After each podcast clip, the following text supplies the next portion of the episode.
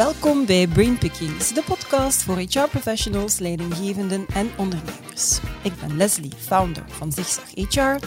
En met Zigzag HR dagen we jou uit om jezelf en je vakgebied heruit te vinden. Abonneer je dus zeker op dit YouTube-kanaal of volg ons op jouw favoriete podcast-kanaal.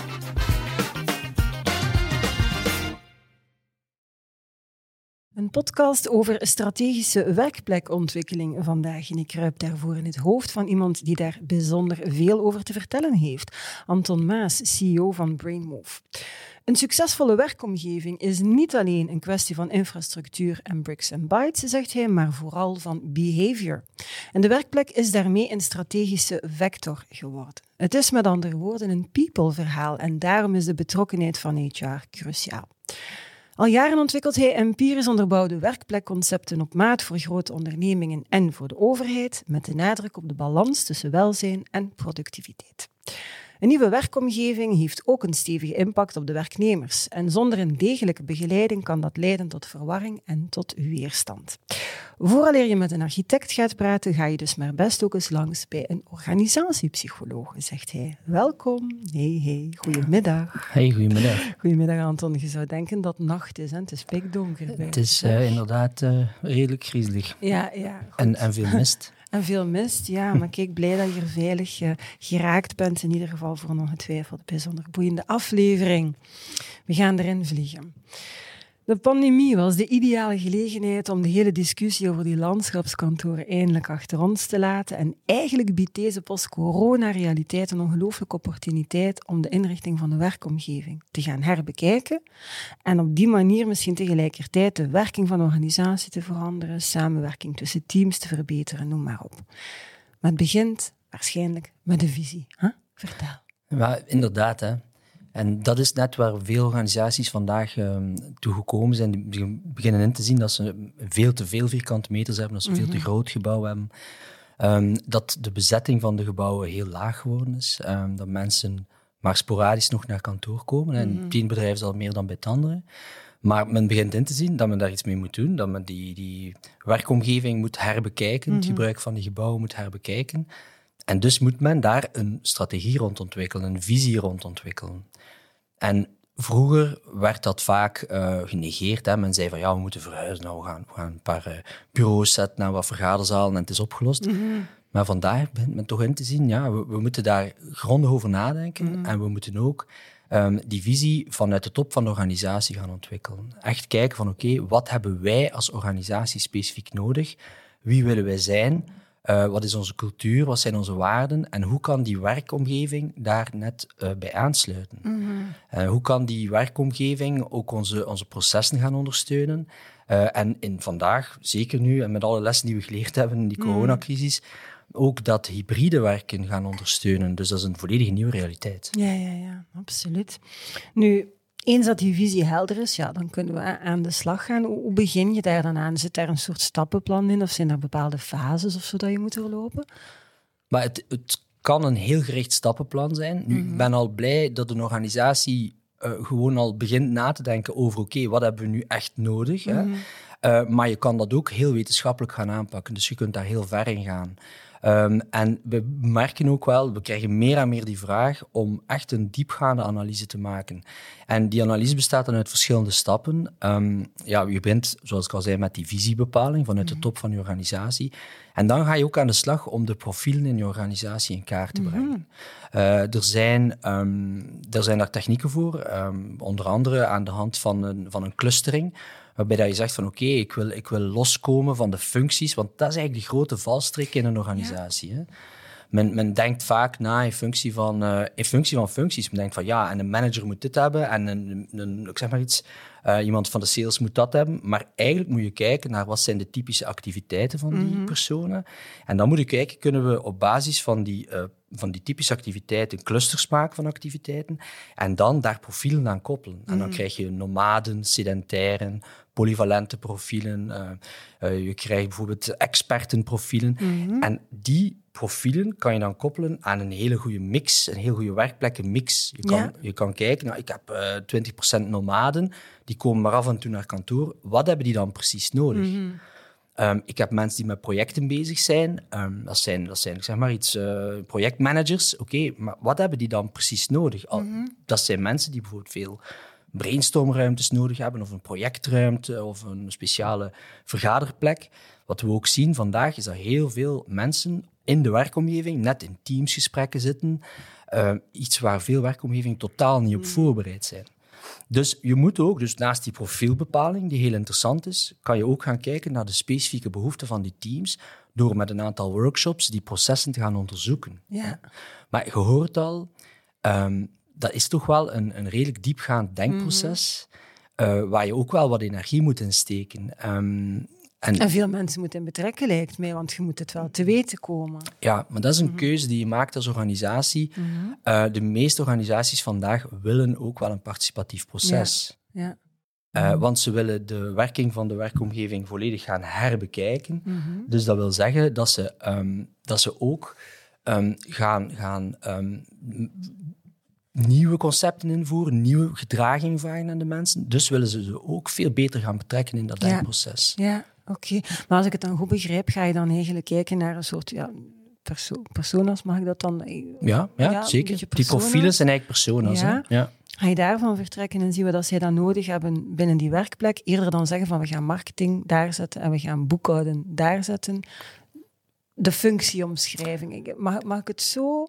Goh, Misschien kan het een beetje samen. Ja, ja het, het, de, de, het zijn twee verschillende vragen. Mhm. Mm -hmm. De ene vraag is, uh, wat hebben mijn teams nodig ja. qua werkplekkenmix? Ja. Hè? Hoe mm -hmm. moeten zij kunnen...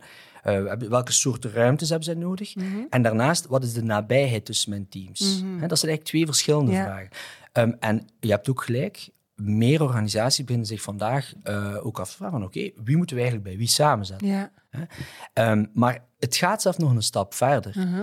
Vandaag begint men de werkomgeving ook meer en meer te zien. Ik noem dat dan als een soort business center, -hmm. waar je niet meer zegt van oké, okay, we komen allemaal naar kantoor en daar heb je team HR en daar heb je team marketing en daar heb je een deel, ik zeg maar iets van de business. -hmm. Maar wat je echt zegt van uh, ik ga met mijn team dinsdag naar kantoor, wat hebben wij dan nodig?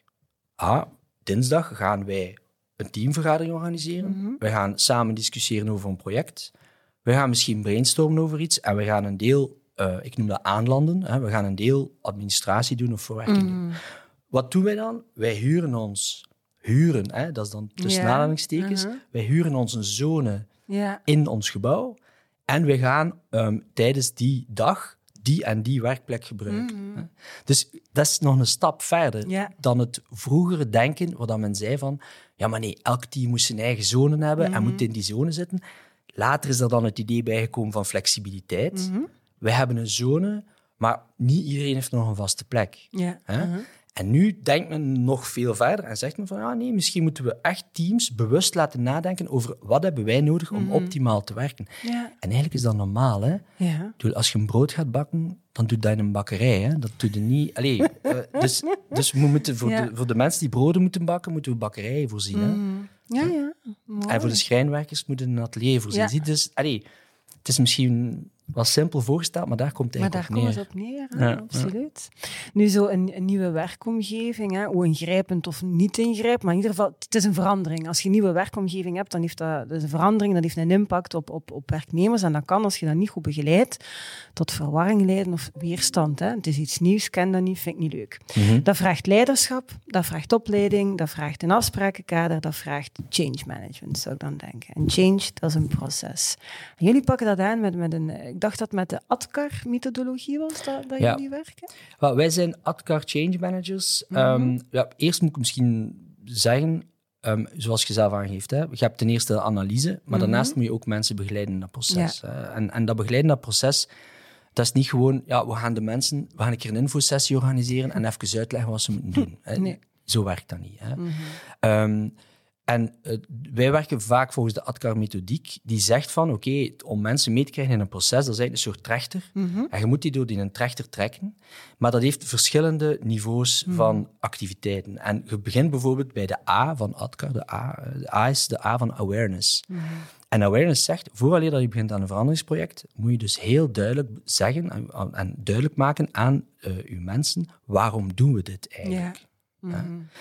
En even ter illustratie. We heel vaak denken uh, medewerkers van, ja, dat is hier gewoon besparing. Ja, ja. Ze gaan hier wat verdiepingen afschaffen en ze gaan ons hier uh, allemaal... Ze gaan sardinen bij elkaar Ja, voilà, ze gaan ons bij elkaar in een kiekerskot. Uh, hè, en ik heb geen bureau meer en ik ga geen ladenblok meer hebben. Mm. dus, um, dus awareness is extreem belangrijk. Die mhm. visie, waarom doen we dit? En dat is ook al aangetoond.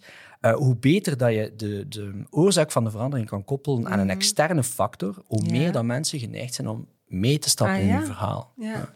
Dat, dat, is, uh, hey, dat is de, de theorie van, uh, van Kotter, hè? Dus die, mhm. die, uh, die daar echt, echt heel veel onderzoek over gedaan heeft. En dus awareness is de eerste stap. Waarom doen we het? Mhm. Als mensen dat niet weten, willen ze niet mee. Tweede stap, desire. Mm En dat is net, desire is goesting. Ja. En dat is net voor um, uw HR-mensen extreem belangrijk. Mhm. Want dat gaat over betrokkenheid van het middenkader. Ja. Ja. Uw leidinggevenden moeten uw proces mee ondersteunen. Zij zijn uw change managers. Ja. En heel vaak, vroeger werden er veranderingsprojecten doorgevoerd, waar dat, uh, dat middenkader werd dat zoiets van, ja, we zullen wel zien wat er gebeurt. En ze stonden mm wel een beetje van om afstand te kijken. Mhm. Ehm, maar zij moeten actie nemen. Wij moeten hen activeren. En dus heeft HR daar een zeer belangrijke rol in te spelen. Mhm. Je moet die opleiden. Je moet zorgen dat zij doordrongen zijn van uw visie. Je moet zorgen dat zij de skills hebben om teams te gaan begeleiden. En mhm. zeker nu, met heel dat hybride gedoe, mm moet je zorgen dat uw manager daar ook klaar voor is en dat die ook zijn rol kent. Uh, dat die weet, ik moet niet alleen managen, ik moet ook coachen. Ik moet ook um, gaan, gaan inspireren. Uh, ik moet ook over de visie praten. En ik vind dat een ongelooflijk interessante eh, uitdaging. Ja, absoluut. En niet evident, hè? Toch Zeker niet. Nee, nee, nee. Want, want uw, uw Adgar, we zitten nog maar in onze trechter. Hè? Dus we mhm. hebben onze awareness, we hebben onze desire. En dan heb je je knowledge deel. Ja. Ehm, dan pas kun je mensen ook kennis gaan voeren en zeggen van kijk, um, bijvoorbeeld, dit zijn de principes van de nieuwe werkomgeving. Dit is de manier waarop wij gaan samenwerken. Mhm. Dit zijn de afspraken die we gaan maken.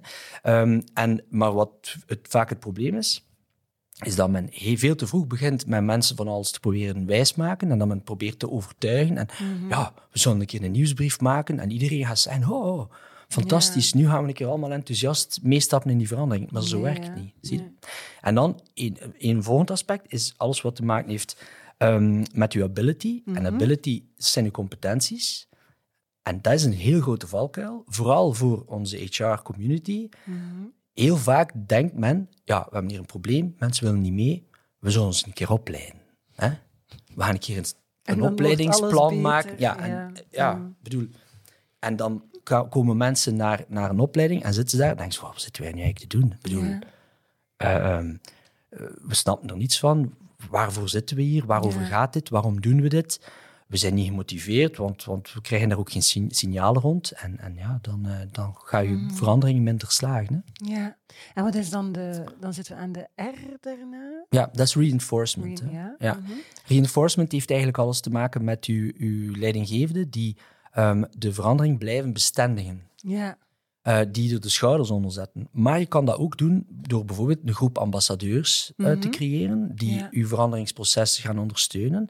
En je laat die ambassadeurs mee dat project blijvend ondersteunen, waardoor dat die verandering verankerd wordt in je organisatie. Mhm. Trouwens, die ambassadeurs hebben ook een heel interessante rol, want je kan die ook gebruiken om bijvoorbeeld een gedragskader op te stellen mhm. in die nieuwe werkomgeving. Ja. Um, en dat is ook weer participatie, maar ik noem dat veilige participatie. Mhm. Je gaat met die groep aan de slag uh, om met hen afspraken te maken over het hoe. Hoe gaan wij samen? Hoe gaan wij zorgen voor permanentie? Mhm. Hoe gaan wij de vergaderzaal gebruiken? Hoe gaan wij hier die boel opruimen? Hoe Mhm. gaan wij clean desk organiseren? Hè? Hoe gaan we onze kast leegmaken? En dat hoe-verhaal, dat, ik noem dat veilige participatie. Daar kun je Hmm. echt ehm, met, met een ambassadeursgroep ehm, aan de slag. En je kan bijvoorbeeld zelf een charter maken. Hè, En, en dat charter, dat kan je dan weer communiceren naar de mensen. Mhm. En op die manier krijg je uw, uw bevolking mee Ja, in uw, in uw bevolking, uw users, zeg ik ja, dan, ja, eh, in uw nieuwe manier van werken. Ja, ik vind een charter precies inderdaad, het spreekt mij meer aan dan zo'n gedragscode. Dat geeft me, daarop bij mij zo direct het idee op van, "Ah, jij gaat mij dus zeggen wat ik mag doen of niet. Terwijl een charter, ah, we gaan samen opstellen van wat dat we hier eigenlijk gaan doen om inderdaad de ruimte weer netjes achter te laten, uit eh, problemen te melden, I don't know. Eh, in te plannen, denk ik dan bijvoorbeeld ook, als je zegt, moet het huren. Hè, Ja, Mensen 100 moeten laten weten, Ja, we moeten het huren, dat is een keuze. Hè? Ja, Eh, we, we moeten bepalen hoe ver we daar willen in ja, gaan. ja. Het is ook niet voor elke organisatie noodzakelijk om Nee. zo ver te gaan. Mhm. Maar wat we wel niet meer mogen doen, is lege gebouwen verwarmen Nee. en verhuren Nee. en, eh, en huren. En daar moeten we mee opletten. Ja, Zie je? En want dat is, dat is niet duurzaam. En jonge mensen, en dan gaat het ook vooral, eh, jonge mensen, jong van geest, hè, Mhm. dan gaat het vooral ook over je attractivity als employer. Ja, ja. Men stelt daar vragen bij. Hè? Tuurlijk, welk signaal stelt je als je daar Ah, zo tuurlijk. 35 verdiepingen verwarmt? Ja, en als je geen 35 hebt, maar je hebt er twee, Mhm. ze moeten wel aantrekkelijk zijn. ja. En eh uw, uw sollicitanten of, uw, of uw, high potentials die je wilt aanwerven, die moeten ook zoiets hebben van, wauw, dat is hier een Mhm. Dat toffe werkomgeving. Hier Ja, wil ja. ik naartoe komen. Maar een toffe werkomgeving, dat heeft niet noodzakelijk te maken met pingpongtafels, alstublieft. Ja, nee, wel, luister, eh, pingpongen is gezond. Hè? Dus dat moeten we wel, hey, dat is wel een feit. Maar het is niet omdat je een pingpongtafel hebt dat je een toffe werkplek hebt. Absoluut niet. Hè? Mhm. Want ik ken ook veel eh, pingpongtafels en eh kiekertafels eh, Mhm. en biljarts die staan te verstoffen Ah, omdat, zonde. omdat niemand ze durft gebruiken. Ah ja, ook. Ja, ja. Het is dikwijls ook window dressing. Hè? Ja, we gaan ja. onze kiekertafel zetten. Want dan gaan, we, hey, dan gaan we uitstralen dat we eigenlijk een gezellige organisatie zijn. Maar u, hey, je weet ook, hè, er is een verschil tussen uw actual values en uw wanted values. Hè? Ja, ja, absoluut. Ja, en als je dan die kiekertafel er zet en niemand durft, of iemand durft het wel, en dan komt er iemand voorbij en zegt, hij niet werken. Ja, dan is dan dat, is de cultuur. Ja, dat is tegenstelde. Hè? ja absoluut. Ehm, ja. Maar dat wil niet zeggen dat een werkomgeving saai moet zijn Mhm. en, en, eh, en minimaal moet zijn. Ja. Ik zeg altijd, ehm, creëer de werkomgeving die past bij uw cultuur, bij Ja. uw waarden, bij wie dat jij bent als organisatie. Ja, en bij de mensen die er werken. Persona's uiteraard, bij wie dat je wil zijn, bij die, Ja. bij die persona, bij die profielen. Ja, Eh, hoort daar dan een, een pingpongtafel bij? Why not? Hè? Dan. eh, dat kan, hè? Maar, Mhm. maar dat is geen sine qua non. Hè? Nee, nee, nee. Absoluut niet. oké. Nu, dus de sleutel volgens mij toch wel tot succesvolle verandering is communicatie, Mhm. creatieve communicatie zelfs, Mhm, zeg je. mhm. En alle bedrijven hebben daar de mogelijkheden toe, maar ze gebruiken ze niet altijd. En je hebt mij toen verklapt, op het moment dat ik zei van, ja, we moeten het er zeker over hebben, het model van de drie piramides. Ja, Ja, oké. ja. Vertel, wat Ik hebben die wel, piramides eh, te maken Ja, ik vind het wel grappig dat je, daar, ehm, dat, je, daar, dat, je dat eh, aanhaalt, want ehm, ik heb dat eigenlijk ehm, een hele tijd geleden bedacht, dat model. En Mhm. ehm, dat was gewoon omdat ik zag... Ik was vroeger eh, interne communicatie verantwoordelijk Mhm. in, een, in een groot bedrijf. En ik vond dat die interne communicatie altijd zo saai was. Mhm. Saai, ehm, ja, een nieuwsbrief, weet je. Mhm. En, en, en wordt dat dan gelezen? Oh, dat weten we niet, maar we maken wel een nieuwsbrief. hè. Oké. Dus we Ehm, communiceren. Ja, Punt. ja, voilà. Het staat in een nieuwsbrief, lees dat maar en, en je zult het weten, in het beste geval. Hè. Of, of ja, maar het staat op intranet. Ah, Ja. intranet. Oei, oei, oei. Ja, waar? Ja, dat, oh, oh. Hè, dus men zit veel te veel ehm, in, in, die, in, die, eh, in die pool eigenlijk. En je moet veel meer, volgens mij, naar push. En om dat te doen, ehm, had, ik dat, had ik eigenlijk gekeken naar wat is nu succesvol interne communicatie. En, en, dat is, en voor mij zijn dat, zijn dat drie piramides. Mhm. Nu, die piramide stelt eigenlijk je organisatie voor. Hè. Ja. Ehm, en ik zeg altijd, de eerste methode van communiceren is, je pakt een namer en je slaat keihard op die top van die piramide. Hè, je bent er keihard op te motten. Mhm. En je verwacht dat die boodschap die je je wil geven, dat die dan Binnenkomt. ja, binnenkomt. Doorcijpelt naar beneden. Hè? Je kent dat, hè? We we zullen een keer een infosessie geven aan onze leidinggevenden en zij zullen dat dan wel vertellen aan de mensen op- Mhm. op de vloer. Ja, je weet ook, dat werkt niet goed. Hè? Pas op, soms moeten we wel een keer met je namer slaan ook. Ja. Hè? Soms ja. moet je, als je echt een, een grote verandering doet, moet je wel een keer even die visie communiceren. En dat is dan ook met de naam. Je zegt een keer van, kijk jongens, dit gaan we doen. Dat is het plan. Dat is onze strategie. Zie je? Dus de hamer, je mag hem wel gebruiken, Ja, maar met mate. Ja. Eh, en dan heb je het tweede piramide, en ik noem dat de piramide met het vuurtje eronder. Mhm. Dus je pakt je piramide, hè, je stelt hem daar, en je maakt er een vuur onder. Hè? Mhm. Eh, en je begint die piramide op te stoken. Hè? Nu, wat is dat? Ik noem dat een beetje guerrilla-communicatie. Ja. Ehm, je, moet, eh, de, je moet out of the box denken en je begint bepaalde acties te ondernemen die doen, be- beginnen borrelen in je organisatie, die de mensen een beetje ongerust maken, die de mensen een beetje nieuwsgierig maken. Ongerust, allee, ongerust, een beetje- Onrustig is misschien onrustig, beter. inderdaad. Onrustig, op ja. Mhm. een positieve manier. Waarbij ze zeggen van, ja, maar er is hier iets bezig, ik wil daar meer over weten, ik word hier getriggerd. Ik ga je een, een, een, eh, een leuk voorbeeld geven. We hebben ooit in een veranderingsproject voor een, een nieuwe werkomgeving, hebben wij in het onthaal van dat gebouw, hebben wij een eh, vintage werkplek gebouwd. Mhm. Ja. Eh, dat was een idee van de ambassadeursgroep, dus dat is altijd wel, wel fijn. Hè? Dat was een, een idee van de organisatie zelf. En we hadden een podium gemaakt en we hadden daar meubels op gezet die we vonden in de kelder. Dat was het tof. Zo een, Ja.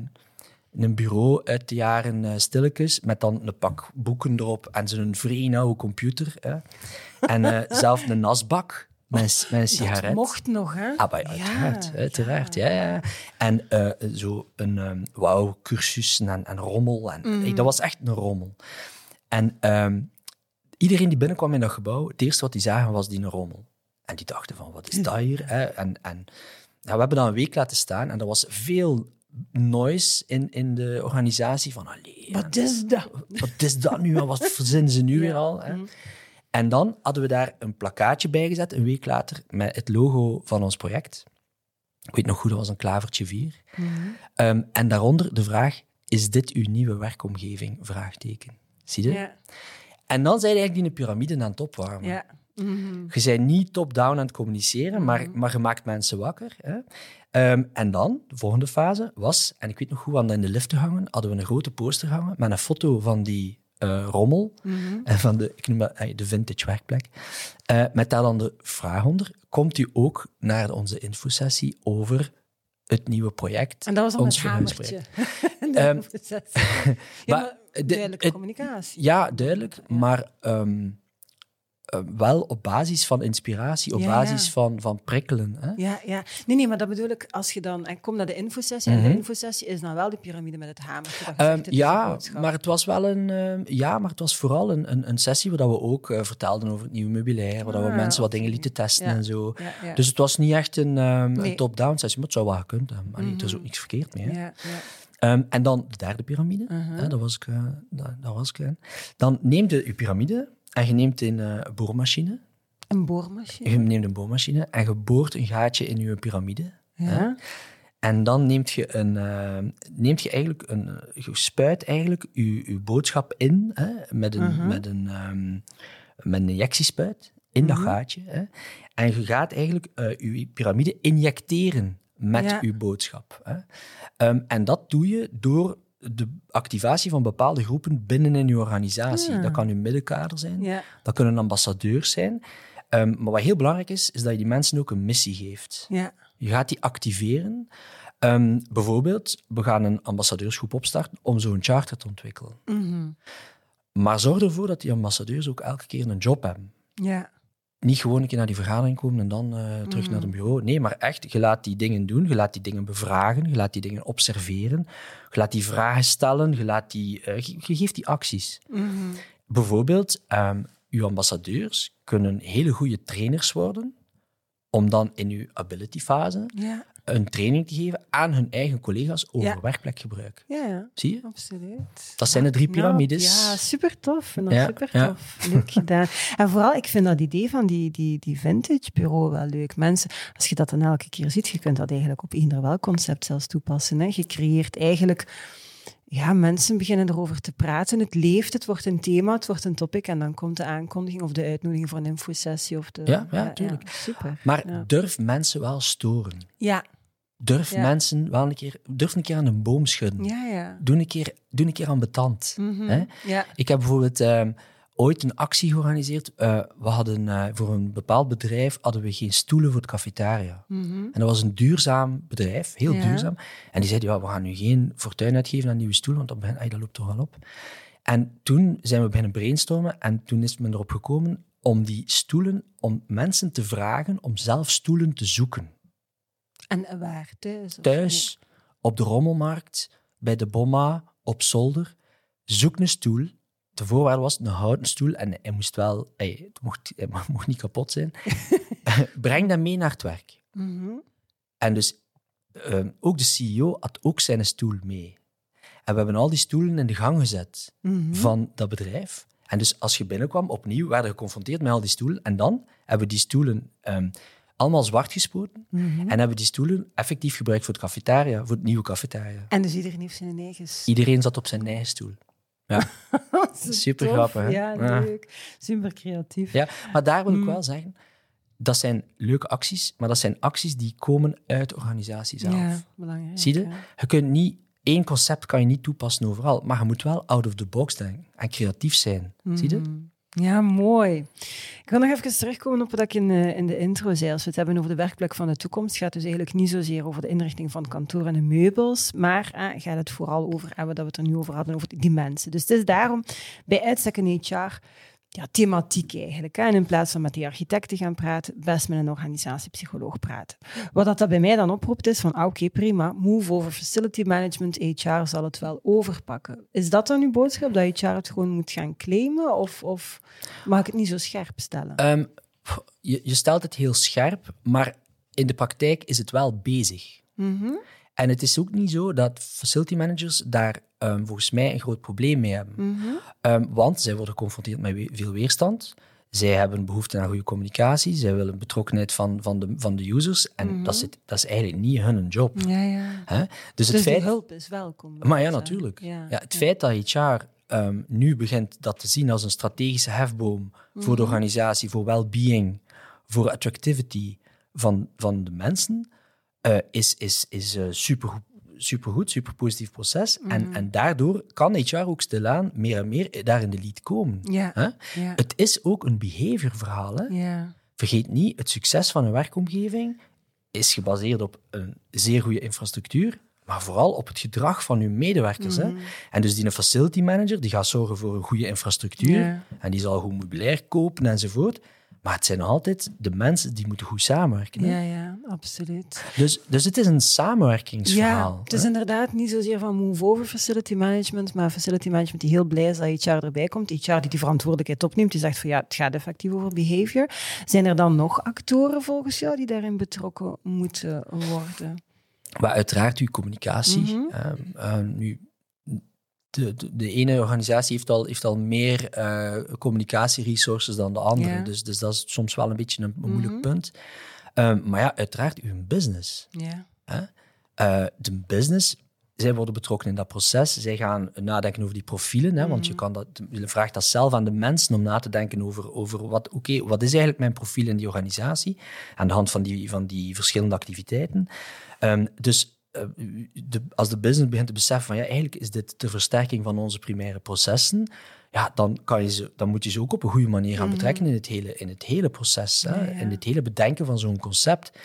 Ehm, dus voor mij, de business, het topmanagement, is ook een heel belangrijke stakeholder. Zij moeten die visie uitdragen. Hè? Ja. Ja, zij moeten er zelf al in, in geloven. Zeg, en, en IT dan bijvoorbeeld, als je zegt die hybride werkplek, Ja, die moeten... Maar daar staan we wel al redelijk ver. Hè?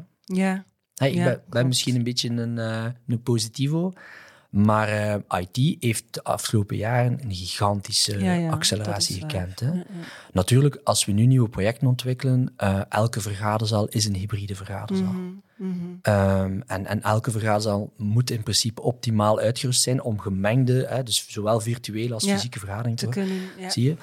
We hebben goed... ey, op, naar, sorry, maar naar het uitrusten van werkplekken Mhm.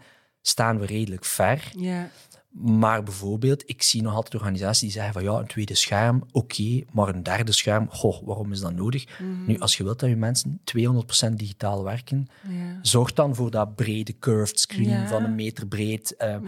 Dat zijn investeringen. Maar ja, als je echt werkt, werkt- wil dat mensen goed hybride samenwerken, dan moet je investeren in een Ja, zeer ja. goede infrastructuur. En als ik nog één ding mag toevoegen, Mhm. het gaat niet alleen over hardware, maar het gaat ook over kennisdeling. Ah ja, ja, absoluut. Want Bytes is niet alleen computers en, en laptops en, en, en, en tablets, maar is ook hoe delen wij kennis in de organisatie? Mhm. Welke systemen hebben wij daarvoor? Ehm, en, en dan zie je, hè, met, de, met de opkomst van Microsoft Teams bijvoorbeeld, dan denk je van ja, we hebben nu wel een systeem om, om in projecten samen te werken online, maar dat is eigenlijk nog niet optimaal. En ik zeg altijd, er is niks erger dan een papieren chaos en dat is een digitale chaos. Ah ja, natuurlijk. Want alles zit ook versnipperd. Alles zit ja. versnipperd. Hè. Ja, ja. En, en daar zit voor mij de grote uitdaging. Ja, ja. Dus, dus Absoluut. kennisdeling, kennisbehoud. Kennis borgen en Kennis, dat is gewoon- Ja, ja. Grote challenge. Maar ja, want eh, operationeel samenwerken in een hybride wereld, dat gaat wel. Mhm. Operationele dingen Mhm. doen. Ja. En dat zien we, de meeste bedrijven zijn erin geslaagd om hun business te blijven doen draaien. Maar om nieuwe dingen te bedenken, Mhm. Ja, ja. nieuwe projecten, innovatie, dat is een heel ander verhaal. ja, ja. En een tweede aspect, jonge mensen nieuwe dingen aanleren op afstand, dat is extreem moeilijk. Mhm, absoluut. Maar boeiende tijden in ieder geval. Misschien nog even kort. Ehm, ik heb je voorgesteld als CEO van Brainmove. Wat moeten we eigenlijk zo nog van Brainmove weten? Wat is, of van jou? Wat moeten we van jullie weten? Wel, ehm, ja, Brainmove bestaat ondertussen meer dan tien jaar. Mhm. We zijn een eh, consultancybedrijf. We zijn eh, met een tiental mensen op dit moment eh, in volle groei. Ehm, ja, er is natuurlijk enorm veel werk. Ik heb dat Ja, ook jullie zijn druk bevraagd nu, dat lijkt Ja, zeer druk. Nu, wij doen vooral de complexere projecten. Mhm, Ehm, grote organisaties die echt zeggen van oké, we hebben twee gebouwen, we willen naar één gebouw. mhm. Eh, dat is een, dat is een, een, een, een echte uitdaging. Ehm, uitdagingen ook waar een deel ehm, dat, dat ehm, change-verhaal in zit. Ja. Hè? dus Ja. die, op, die wetenschappelijke analyse, Mhm. dat change-verhaal is heel belangrijk.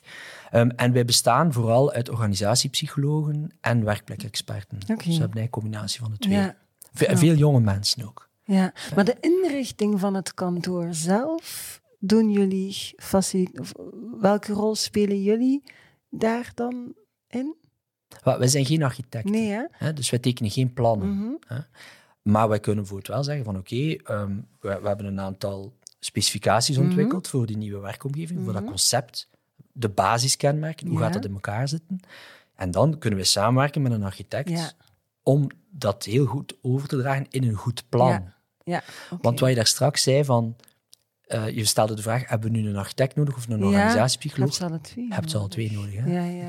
Wel, inderdaad, want ik denk dat dat inderdaad wel eh, belangrijk is om aan te geven van wat dat jullie rol daarin is en dat het effectief idealiter in samenwerking met een architect gebeurt, gebaseerd op een visie en gans inderdaad. het Uiteraard, dat je- ja. Uiteraard. En er zijn ook architecten die heel slim zijn en die Mhm. de juiste vragen stellen. Hè. Ja. Ik ga geen kritiek geven op de Nee. architect, maar wij kunnen die analyse veel Mhm. breder, veel diepgaander doen en wij kunnen ook die een change begeleiden. Ja. En dat behoort eigenlijk niet tot het takenpakket van zo'n architect. Nee. Allee, om eerlijk te zijn, die zijn meestal heel content dat, dat wij meehelpen. Ja, ja, tuurlijk. Om, om dat aspect erbij te nemen. Ik heb het ook totaal niet begrepen als, een, als, als zou het een, een opmerking zijn naar architecten. Ik heb het vooral gezien als een uitnodiging naar bedrijven toe. Van wees je daarvan bewust dat HR een heel belangrijke rol in te spelen heeft. Mhm. En dat het dus best eigenlijk naar zo'n samenwerking eh, gaat met de zijn. Om af te sluiten. Ik wil graag afsluiten met drie fundamentele, ultieme tips. Wat dat HR ehm,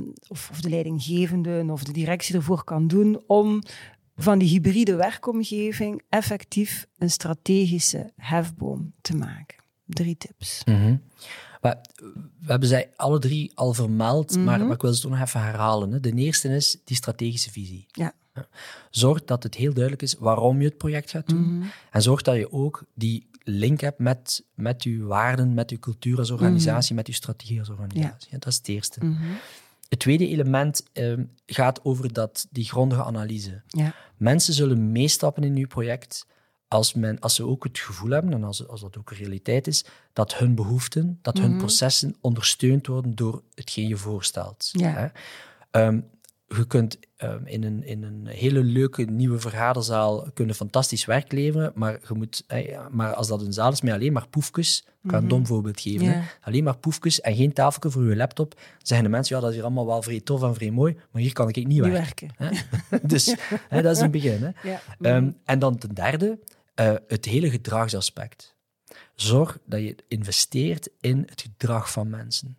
Dat mensen begeleid worden daarin. Mhm. Ehm, maar vooral, maak duidelijke afspraken. Zorg dat, het, dat je een kader hebt waarbinnen dat die nieuwe werkomgeving uh, moet functioneren. En als ik het goed begrepen heb, zijn vandaag alle HR-managers op zoek naar zo'n kader. Ja. En het is zeker geen gemakkelijke uitdaging op dit mm. moment. Hè. Ja.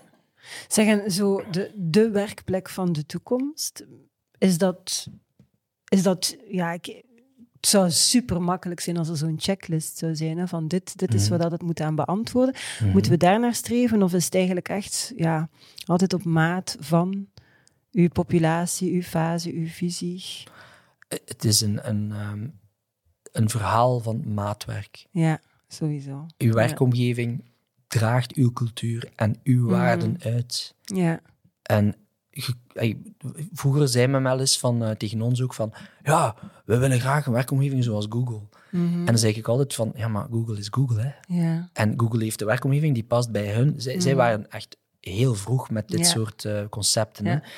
Um, maar um, als jij, als jij een, een bank bent of je bent, um, ik weet niet, een, een gemeente, mm ja, dan kun, zijn er niks met een Google-werkomgeving. Nee. Starten met je eigen verhaal. Wat start met je eigen verhaal, hè? Ja. ja, ik was een stukje aan het polsen dat er zo niet ergens iets is, mensen. Zo, die idee dat er één model is waar we ons kunnen op baseren en naartoe kunnen werken, dat is zo aantrekkelijk, maar dat is er dus wel, niet. Wat er wel is, is het besef dat er meer flexibiliteit moet zijn. Ja.